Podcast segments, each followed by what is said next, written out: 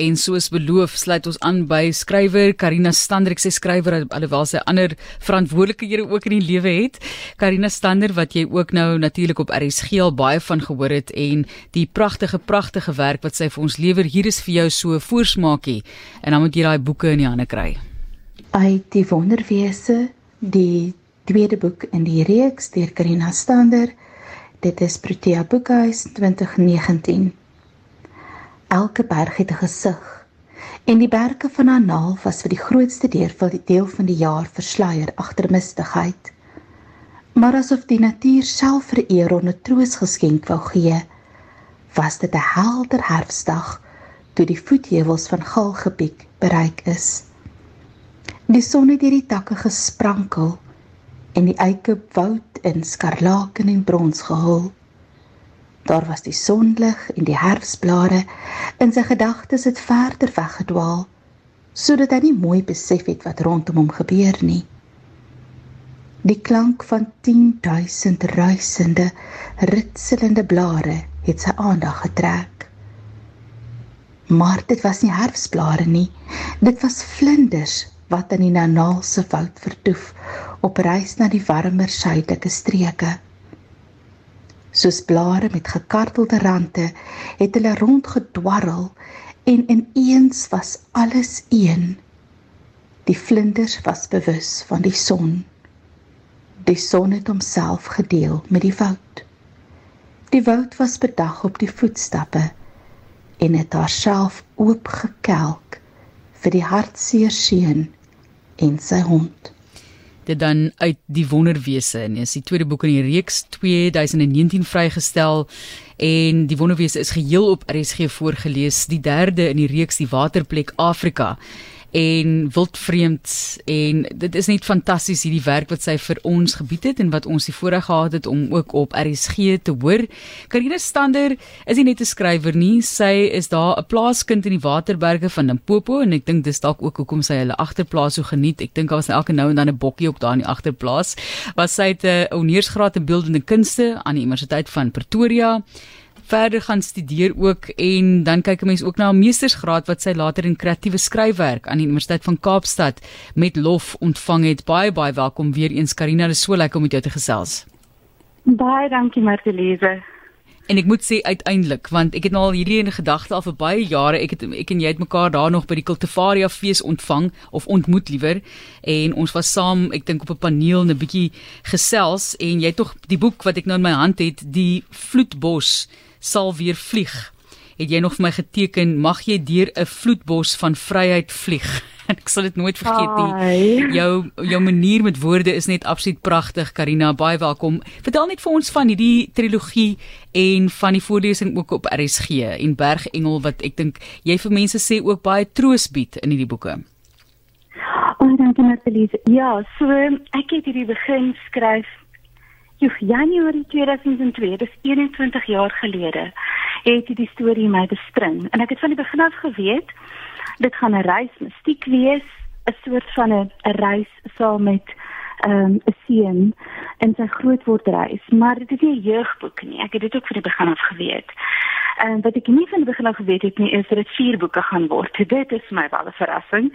Um, ek het net so saam met die boeke gegroei en intussen baie ander werk ook gedoen ehm um, artikels en so aan.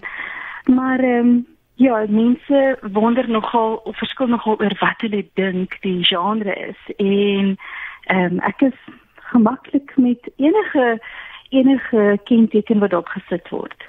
Kom ons gesels oor waar alles vir jou begin het en soos ek gesê het, jy is 'n plaaskind en mense kan dit so half optel in jou gees en die manier hoe jy omgang met die wêreld, omgaan liewer met die wêreld. Waterberge, daarvan Limpopo se wêreld, so vertel ons vir groot word jare en wat jou daar geïnspireer het ook en die natuur wat jou so geweldig inspireer. Ja, my pa was 'n boer vir sy hele lewe lank. Hy het hy het letterlik sy hele lewe lank voordat hy En tot 'n paar jaar, soos 3 jaar voordat hy gesterf het, het hy geboer. En uh, my ma was 'n uh, Afrikaanse en Duitse onderwyseres. En um, ek het eendag 'n gedig geskryf, ek is gebore uit die uit die wildheid van my pa en die woorde van my ma. En dit is regtig so. My pa het my saam met hom op die plaas gevat en dan het ek eeue. Dit voel vir my soos eeue wat ek spandeer het saam met hom as kind net in die veld en ehm um, as hy as hy met die berg besig is dit hy saam met my my saamgevat en ehm um, ek het elke liewe dag saam met hom gestap en regtig net so lief geword vir die natuur ook deur sy oë. Maar my ma is die een wat die boeke aangedra het en wat die diep liefde vir letterkunde en vir woorde en vir poesie by my gekweek het. En ehm um, ja, my, my pa se avontuurlustige een, so my reisartikels in daai kant kom van hom af. Maar om dit alles in woorde om te sit, is definitief 'n nalatenskap van my ma. En uh, ja, so dit word vreemd was my eerste roman en dit is in die Waterberg gesetel waar ek vandaan kom want dit was die eerste landskap wat ek wat ek lief gekry het en wat ek geken het. Maar daarna voor dit was daar twee digbundels en daarna het hierdie hierdie hele reis reeks ehm um, hierdie hele reis musiek reeks die berging reeks het toe nou vlam gevat. Ja, my ouers in in die omgewing waar ek groot geword het en die ek weet nie, ek het nog nie nog altyd op groen plekke gebly maar te lees en die natuur en al daai groenigheid en fotosintese moes net seker met my ingewerk het. Ek soek dit op. Dit gee my regtig krag en energie. So daai tuin van jou Karina, dit lewer die vuurtjies op, die vuurvliegies, die vuurtjies en daai verbeeldingswêreld wat vir my interessant is is dat ehm um, skrywers nie hoef groot te word nie. Ek dink aan Antjie Krog se vetplantvuurtjies. Ja. Ek dink aan jou die wonderwese waarna ons nou net geluister het, né? Ehm um, is dit 'n wonderlike ervaring om daardie ja. kindermomente te kan oordra op die manier nie? Johan, dit is een van die grootste geskenke wat jy vir jou kind kan gee en wat my ouers my gegee het is om dit toe te laat om om nie groot te word nie as hulle nie wil nie. Ek kon as kind as mense vir my gesê het, die tannies en die ooms het my lanklaas gesien het, my gesê, "O, jy is so mooi groot geword." En ek begin huil.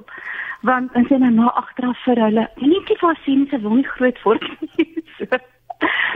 En dit het net op 'n stadium besluit, ehm um, ek hoef nie. Ek kan ek kan ek kan die magic behou. Ehm um, en ek kan oor verskillende goed skryf want daar is ongelooflik baie wreedheid en oorlog en vernietiging en boomslagting en menseslagting ook in my boeke want dit is gesetel ook in wêreldpolitiek en daai tipe ding maar die magic is ook daar en dit is die groter ding en die lig is altyd groter as die donkerte in alles wat ek in alles wat ek doen. So dis ek kom baie mense sien hierdie bergreeks maar of die bergengelreeks as 'n tipe van 'n sprokie vir volwassenes. Dit is definitief nie vir kinders nie, dit is bietjie te rof. Maar ehm um, dit is 'n soort van allegorie of 'n gelykenis of party mense dink dit is fantasie.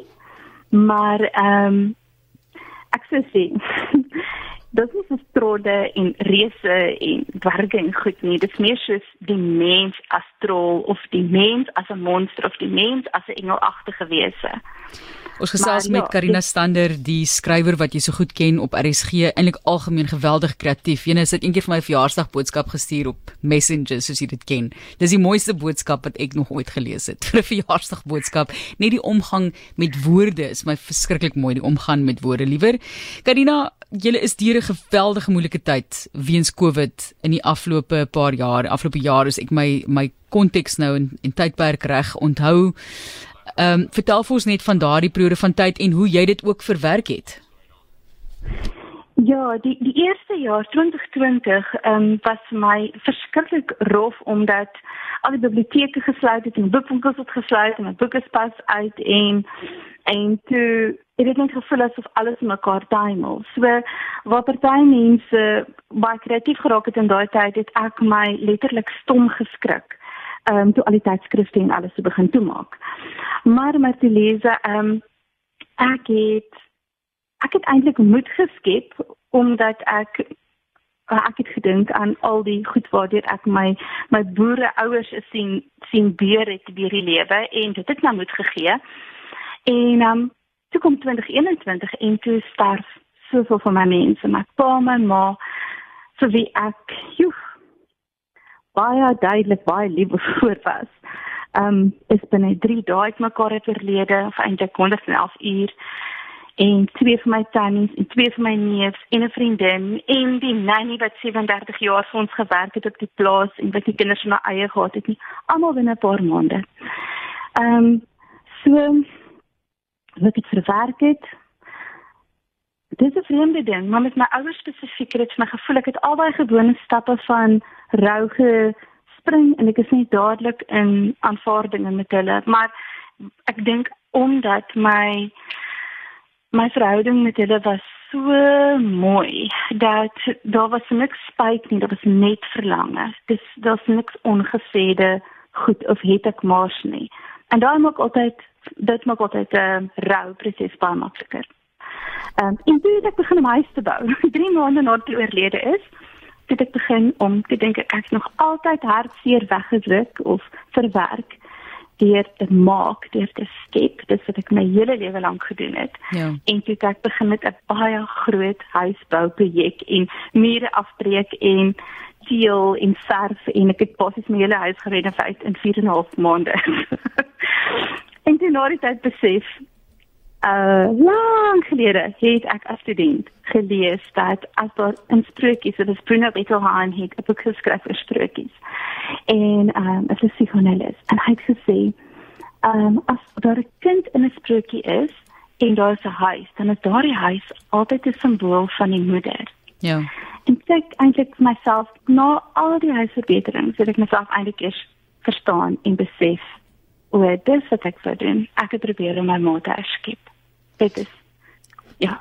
Dit is dan dit is net so verskriklike moeilike tyd. As jy praat jou ma en jou pa is baie kort na mekaar ook byvoorbeeld oorlede. Karina ons moet ongelukkig groet. Ons dink aan jou dink ook aan daardie herstelproses. Baie mense wat hierdeur is wat nog steeds worstel.